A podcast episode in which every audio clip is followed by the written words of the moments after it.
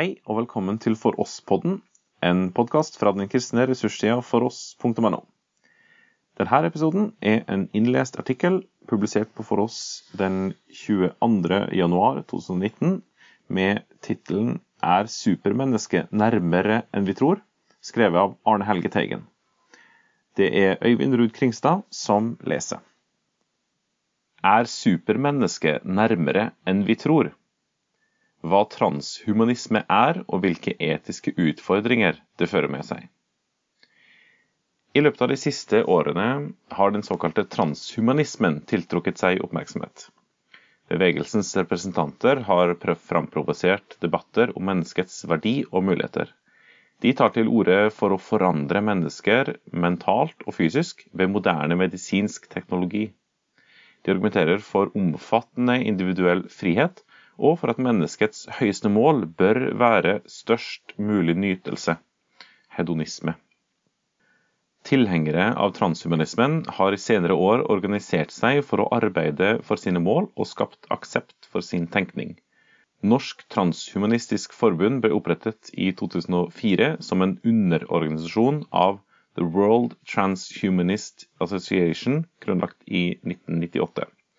Sistnevnte organisasjon går nå under navnet Humanity Plus.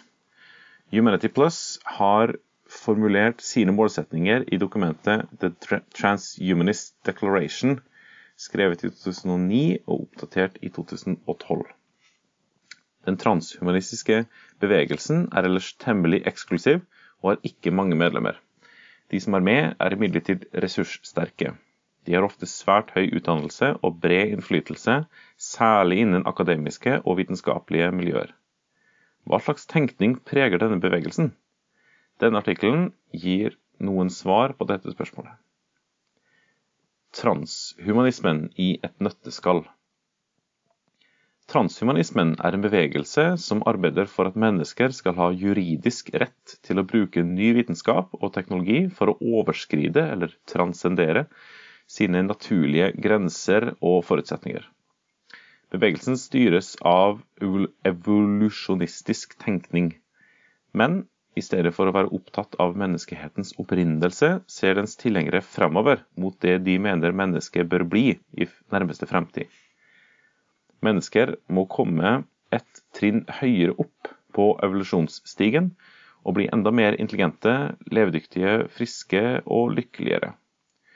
For å nå dette målet vil man utvikle såkalt post-humans, dvs. Si mennesker som ved hjelp av implantert teknologi i hjerne eller kropp disponerer såkalte transhumane kapasiteter.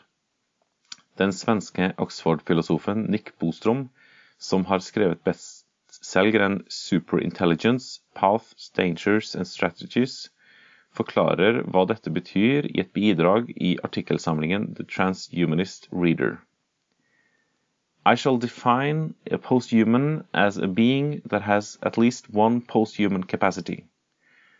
By a posthuman capacity, I mean a general central capacity greatly exceeding the maximum attainable by any current human being without resource to new technological means.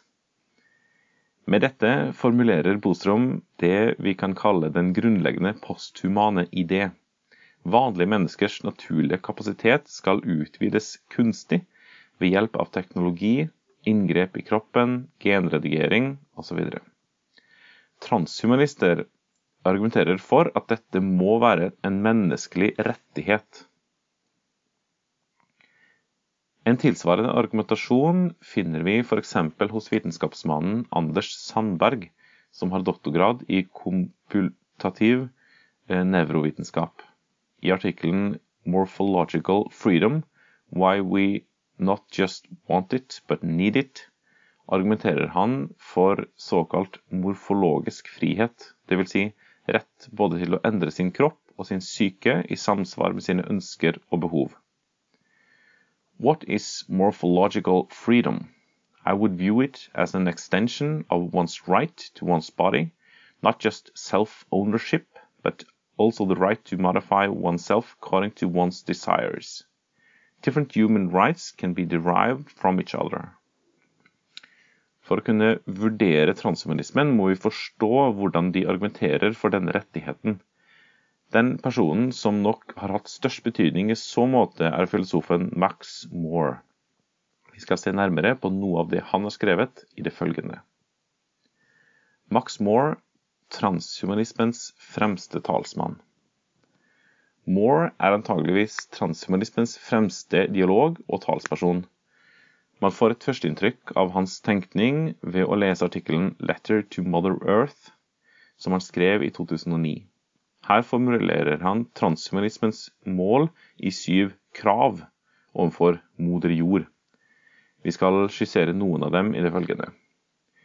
For det første krever Moore at menneskene selv må få bestemme hvor lenge de skal leve. Med dette sikter han ikke først og fremst til å ha rett og mulighet til å ta sitt eget liv. Moore er først og fremst opptatt av at mennesker skal ha rett til teknologi som gir dem mulighet til å leve mye lenger enn naturlig levealder. Mennesket må seire over alderens tyranni.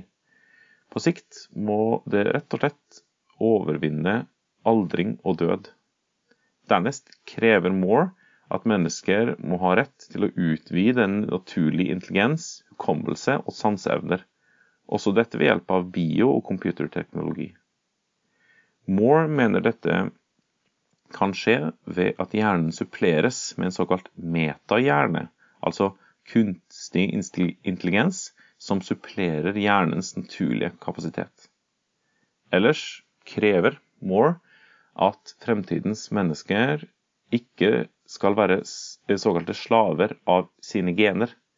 Mennesket skal i stedet ta kontroll over sine arveegenskaper og ha rett til å gripe inn i sitt DNA. Man skal ellers fritt kunne velge kroppslig form og funksjon, og omskape sitt følelsesliv. Vi skal mestre vår egen biokjemi og ha mulighet til å integrere avansert teknologi inn i vår kropp, skriver Moore. Hensikten er å øke nytelse, vellykkethet og gi frihet fra lidelse og smerte. Et par transhumanistiske prosjekter. Tross felles ideer og mål er den transhumanistiske tenkningen temmelig mangfoldig. Dette avspeiles i at det tas initiativ til forskjellige transhumanistiske prosjekter det kan være nyttig å skille mellom ideer og prosjekter som er mulige å nå i kraft av foreliggende vitenskap og teknologi, og prosjekter som bygger på drømmer om hva man tror kan bli mulig når vitenskapen har nådd enda lengre. Et eksempel på det siste er nedfrysing av døde mennesker, med sikte på at de skal vekkes opp når det er utviklet, utviklet teknologi som gjør dette mulig. I 2005 ble det opprettet et senter for dette i Russland som kalles Kriorus. Virksomheten her ble nylig presentert i en artikkel i National Geographic. Det er nok å lese ingressen for å forstå den ideen som ligger til grunn for virksomheten her. Det arbeides for intet mindre enn at mennesker skal bli udødelige. Transhumanists believe in a future of human immortality. A community in Russia is working to make it happen. Kriorus styres av tenkning som ikke kjenner grenser for hva mennesker kan få til. Prosjektet viser også at den transhumanistiske ideologien legitimerer en skremmende ensidig bruk av store ressurser. Det er selvsagt kun mennesker med betydelig økonomi som kan benytte muligheten til å la seg fryse ned. Designerbabyer. Transhumanister er selvsagt ikke bare opptatt av det umulige. Først og fremst arbeider bevegelsen for en fri bruk av de muligheter som er tilgjengelig, eller som de mener snart vil bli det. Et eksempel på dette er såkalte designerbabyer. Det hevdes at genteknologien har kommet svært langt både i retning av å styre befruktningsprosesser, blokkere eller videreføre arveegenskaper. Har man tilgang på de rette ressurser, kan man snart designe et avkom slik at de får fremragende egenskaper. Den amerikanske biologiprofessoren Paul Knopfler gjør oppmerksom på dette i et foredragsturné som han gjennomførte for et par år siden. The Ethical Dilemma of Designer Babies. De er tilgjengelig på denne nettsiden. Link sammen med en rekke andre foredrag som tar opp lignende problematikk. Knopfler påpeker genteknologiens muligheter og advarer dernest mot de farlige og uoversiktlige følger av å bruke teknologi for å designe barn. Han påpeker at vi vet for lite om hva inngrep i arvematerialet kan føre til. Han viser ellers til sin jødiske opprinnelse, og forteller at hans foreldre rømte fra Østerrike kort tid før andre verdenskrig brøt ut. Han advarer mot den transhumanistiske argumentasjonen for å lage designerbabyer, og minner om mellomkrigstidens eugenetikk som slo rot i den nazistiske bevegelse. Konsekvenser Hva vil på sikt skje dersom det blir mulig å benytte avansert og dyr teknologi for å dyrke frem supermennesker? Dersom dette og andre transhumanistiske krav godtas som en rettighet, vil store ressurser legges ned i å dyrke fram idealmennesker. De som har økonomi og forbindelser, kan sikre seg tilgang til globale nettverk for å gjennomføre slike prosjekter. Fenomenet kriorus, som jeg nevnte ovenfor, er eksempel på dette. Her har mennesker fra forskjellige nasjoner betalt for å la seg nedfryse med tanke på å vekkes opp til nytt liv senere. Fordi transhumanismens prosjekter forutsetter sterk økonomi og avansert medisinsk teknologi, genererer den en spesiell type etisk utfordring. Den teknologiske utviklingen løper raskt, og man ligger etter med tanke på å mobilisere nødvendige etiske motforestillinger. Samtidig agiterer transhumanistene for en grensesprengende bruk av ny teknologi, medisin etc. Vi skal se litt på hvordan dette ytrer seg i norsk debatt i det følgende. Transhumanisme i norsk kontekst. Selv om transhumanismen ikke har mange klart uttalte tilhengere i Norge, har bevegelsens ideer fått et visst gjennomslag og flagges temmelig høyt. Dette gjelder f.eks. filosofen Ole Martin Moen. Han har skrevet flere artikler der han argumenterer for transhumanistiske idealer og rettigheter. Selv om mange nok synes han er ytterliggående, vekker hans synspunkter en viss gjenklang og aksept. En Facebook-kampanje høsten 2018 har, ifølge Morgenbladet, samlet inn over 100 underskrifter til støtte for at han utnevnes som nytt medlem i Bioteknologirådet. Kampanjen kom som respons på at Helse- og omsorgsdepartementet ba om forslag til personer som var egnet til å sitte i dette rådet. Det argumenteres for å få synspunkter som dem Moen forfekter, inn i dette statlige organet. Moens oppfatninger er temmelig kjent, vi skal likevel presentere noen av dem i det følgende. Moen gjør presist rede for sine tanker i artikkelen 'Transhumanismens tidsalder', som sto i Samtiden nummer 4 2014. Denne artikkelen ligger også ute på nettet, med endret tittel 'Slutten på mennesket slik vi kjenner det'. Her argumenterer også han for at mennesker må utvikles ved hjelp av ny genteknologi. Mulighetene for dette foreligger i stadig større grad, påpeker han. Teknologien er allerede i stand til å endre flere såkalte fysiske og biologiske konstanter, dvs. Si naturlige begrensninger for menneskets liv og muligheter. Moen skriver følgende Vi trenger ikke lenger å bli til ved en tilfeldighet. Befruktningen kan nå tas ut av kroppen og inn i laboratoriet. Dermed kan vi velge hvilke sædceller og eggceller som skal brukes for å skape et embryo, og hvilke embryoer som skal få muligheten til å bli båret fram og bli neste generasjon av barn.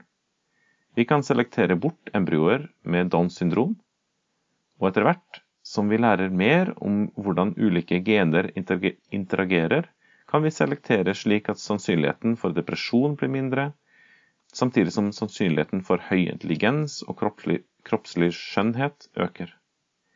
Nylig kom ordet 'designerbaby' inn i Oxford English Dictionary. Vi kan i stadig større grad forme oss selv, over neste, i vårt bilde. Moen skrev for en tid tilbake at mulighetene for å gjennomføre dette er nærmere enn de fleste er klar over. Her har han selvsagt rett. Samtidig argumenterer enkeltpersoner med stor innflytelse for at mennesker må og bli noe annet og mye mer enn før. For å henge med på vår tids utfordringer må vi bli såkalte cyborgs, dvs. Si mennesker med implantert, avansert teknologi. Dette hevder f.eks. grunnleggeren av Tesla, Elon Musk. Han drømmer om en symbiose av mennesker og teknologi. Klipp og lim i gener. Bioteknologirådet har nylig sluppet nyheten om at verdens første genredigerte babyer er født. En kinesisk forsker hadde ved hjelp av CRISPR klippet og limt i genene til to tvillingjenter. Og ved det endret deres arvestoff slik at de ble resistente mot hiv. Denne nyheten ble publisert i en artikkel som ble lagt ut på Bioteknologirådets hjemmeside 9.1.2019. Det inviteres til debattmøte om saken i Litteraturhuset 21.1.2019. Da skal bruk av såkalt CRISPR-teknikk belyses. Det viktige spørsmålet om denne teknikken skal anvendes kun overfor syke, eller om den også skal være tilgjengelig for friske, skal også diskuteres. Vi leser følgende på Bioteknologirådets hjemmeside i anledning nyheten om at de første genredigerte babyer nå er født. Verden reagerte med sjokk og vantro, og det er bred enighet om at det ikke er forsvarlig å lage slike arvelige genetiske endringer. Ikke ennå. Og ikke på den måten, preget av hemmelighold og slurv. Men selv om de fleste fordømmer hendelsen i Kina, mener likevel flere store organisasjoner at det er aktuelt at vi i framtiden vil lage CRISPR-babyer og at vi må legge til rette for at utviklingen skjer på en god måte. Det understrekes imidlertid at det er viktig med samfunnsmessig konsensus om hvilken type bruk som er akseptabelt. Bioteknologirådet tar derfor debatten. Er det etisk forsvarlig å overstyre evolusjonen på denne måten? Er det etisk forsvarlig å la være hvis man kan forebygge alvorlig sykdom? Er det noen prinsipiell forskjell på å forebygge sykdom å lage genetisk eh, forbedringer i friske mennesker, og hvor enkelt er det i så fall å sette en slik grense? Bli med på en av de viktigste bioteknologidebattene vi noen gang har stått overfor. Transhumanismen utfordres. Her i Norge har særlig Eivor Oftestad, forsker med doktorgrad i kirkehistorie, utfordret den transhumanistiske tenkningen. Hennes veloverveide analyser og vurderinger er verdt å merke seg. Transhumanistisk etikk legitimerer et sorteringssamfunn, påpeker hun. Hun viser bl.a. til Aksel Bronin Sterri. Han argumenterer for å fjerne foster med Downs syndrom, og går langt i å støtte den australske filosofiprofessor og etiker Peter Singer. Singer regnes for å være vår tids mest innflytelsesrike filosof, var en høy stjerne nettopp blant transhumanister. Han argumenterer for såkalt afterbirth abortion, at man kan ta livet av nyfødte barn. Singer besøkte Norge høsten 2017 og hadde foredrag ved Universitetet i Oslo.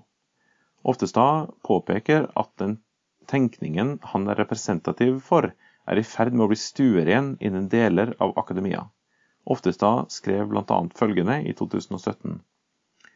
Aksel Bronnen Sterri, som startet debatten da han argumenterte for gode grunner til å ta abort ved Downs, avviste heller ikke Peter Singers tanker om at det også kan være rett å gripe inn overfor nyfødte som en afterbirth abortion. At disse synspunktene er i ferd med å bli stuerene, viste UiO-rektorens støtte til Sterris utspill, noe ikke minst lege Morten Horn reagerte på som han sa i en kronikk, det er oppsiktsvekkende at han ikke sier det opplagte. Det er galt å drepe babyer. Teknologi i feil hender. Noen transhumanister ser faren i at moderne, avansert teknologi kommer i feil hender. Bronen Sterry har skrevet en artikkel om hvordan dette kan hindres i Minerva i 2017. Her tar han til orde for fremtidig bruk av såkalt moralmedisin Slik medisin er riktignok ikke utviklet ennå, påpeker han. Den bør likevel komme, og når den er tilgjengelig, bør den brukes med tanke på å gjøre mennesker mer moralske. Han ser med dette muligheten for at teknologi som utvider menneskenes muligheter, ikke kommer i feil hender, og blir brukt positivt og forsvarlig. Han skriver følgende Det er her forslaget om moralmedisin kommer inn. Når problemet er vår manglende evne til å ta moralske valg, må vi gjøre noe med oss selv. La det være sagt. Det finnes ingen tilfredsstillende moralmedisin per dags dato, men det finnes medikamenter som er laget for helt andre formål, som antidepressiva, som viser at det kan være mulig å utvikle medisiner som gjør at vi blir mer moralske. I første rekke må vi derfor ta en vurdering av om vi burde forske mer på dette. I neste omgang må vi vurdere en eventuell implementering hvis man skulle finne egnede medikamenter. Dette forslaget er sikkert velment. Samtidig er det vanskelig å si noe annet enn at det framstår som naivt og urealistisk. Hvordan skal dette overhodet kunne realiseres? Ser man for seg at terrorister, tunge kriminelle og korrupte politikere skal bli snille ved hjelp av moralmedisin? Hvordan vil man gå fram for å få dem til å bruke slik medisin? Og hva med transhumanistene selv? Vil en moralmedisin f.eks. skape resistens overfor Peter Singers uetiske oppfatning om after-birth abortion? Eller er meningen med slik medisin kanskje å dempe motforestillinger overfor etikk à la Singer? Moral kan ikke utvikles med medisin, men ved hjelp av etisk refleksjon og bevisstgjøring. Ideen med moralsk medisin viser kanskje ellers at noen transhumanister aner farlige konsekvenser av sin egen ideologi. Et par avsluttende etiske innvendinger. Avslutningsvis kan vi bare skissere et par argumenter overfor eh, transhumanismens idé om å overskride det naturlige menneskelige. Kan dette forsvares som en demokratisk menneskerett? Slik mange transhumanister hevder? Svaret er nei. Det bør være innlysende at det transhumanister mener bør være en rett for alle, kun kan benyttes av en meget privilegert elite.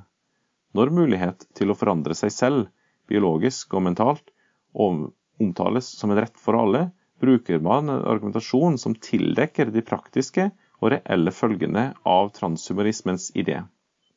En farlig side ved den transhumanistiske bevegelse, er at mange av dens tilhengere ikke ser ut til å innse dette. De muligheter til hjelp og helbredelse som deler av ny medisinsk teknologi byr på, bør ikke forvaltes slik at de stilles til egennyttig disposisjon for mennesker som allerede er friske og svært ressurssterke. I stedet bør selvsagt andre tilgodeses, de som virkelig er syke, og har behov for hjelp til å leve best mulig. Dette er så selvfølgelig at man vegrer seg for å skrive det. Det er tydeligvis likevel nødvendig. Forhold mennesker mellom vil alltid være asymmetriske. Det vil alltid være noen som i større eller mindre grad har behov for å motta hjelp fra andre. Bibelens veiledning om hvordan mennesker bør leve overfor hverandre, forutsetter slik asymmetri. Den er derfor også et viktig grunnlag for mellommenneskelig etikk. Forholdet mellom foreldre og barn er f.eks. asymmetrisk. Barnet er ved fødselen hjelpeløst, og deres mulighet til liv og fremtid er i stor grad lagt i foreldre og andre voksnes hender. Det samme kan sies om eldre som blir syke. De som tidligere har vært i stand til å bidra overfor sin neste, kan senere i livet selv trenge hjelp. De som er syke, har behov for et større behov av de ressurser mennesker disponerer, enn andre. Barmhjertighet og kjærlighetens logikk tilsier at de må prioriteres. La meg til sist si noen ord om den transhumanistiske drøm om å utvikle mennesket utover sine naturlige grenser. Sett fra et kristent ståsted har vi her å gjøre med en tenkning som ikke aksepterer det sant menneskelige. Gud har skapt oss som mennesker og gitt oss samme uendelige verdi. Samtidig har Gud også satt grenser for den menneskelige eksistens som ikke kan overskrides. Når noen likevel søker å overskride disse grensene for å bli mer enn hva et menneske kan være, kommer man i konflikt med hva det innebærer å være menneske. Drømmen om overskridelse kan nemlig ikke næres uten at den samtidig genererer kulde overfor dem som er mer ubeskyttet og svakere enn andre, eller som regnes som overflødige. Kynismen går ut over alle grenser når det argumenteres for at nyfødte barn med sykdom eller mangler kan tas av dage. Da tegnes et skremmende bilde av det transhumane mennesket. Det skal ikke bare overskride normal fysisk og intellektuell kapasitet, men også være i stand til å overskride visse etiske grenser. Den transhumanistiske drøm preger vår tids mennesker mer enn de selv er klar over. Det er nok av eksempler på at drømmen har blitt et mareritt. Grunnen til det er at drømmene også lett genererer selvforakt. Spenningen mellom perfeksjonisme og hva man selv makter å være, blir som kjent altfor sterk, særlig for mange unge mennesker. Å være sant menneskelig er å være betinget av Gud. Det innebærer også å være avhengig av medmennesker. Det er å være begrenset på forskjellig måte og i forskjellig grad. Det handler om å anerkjenne sin begrensning og samtidig se på seg selv som anerkjent med en verdighet og verdi som ikke er forankret i funksjonalitet, men i Guds kjærlighet. Du har nå hørt artikkelen 'Er supermennesker nærmere enn vi tror?' av Arne Helge Teigen. Finn flere ressurser, og vær gjerne med å støtte oss på foross.no.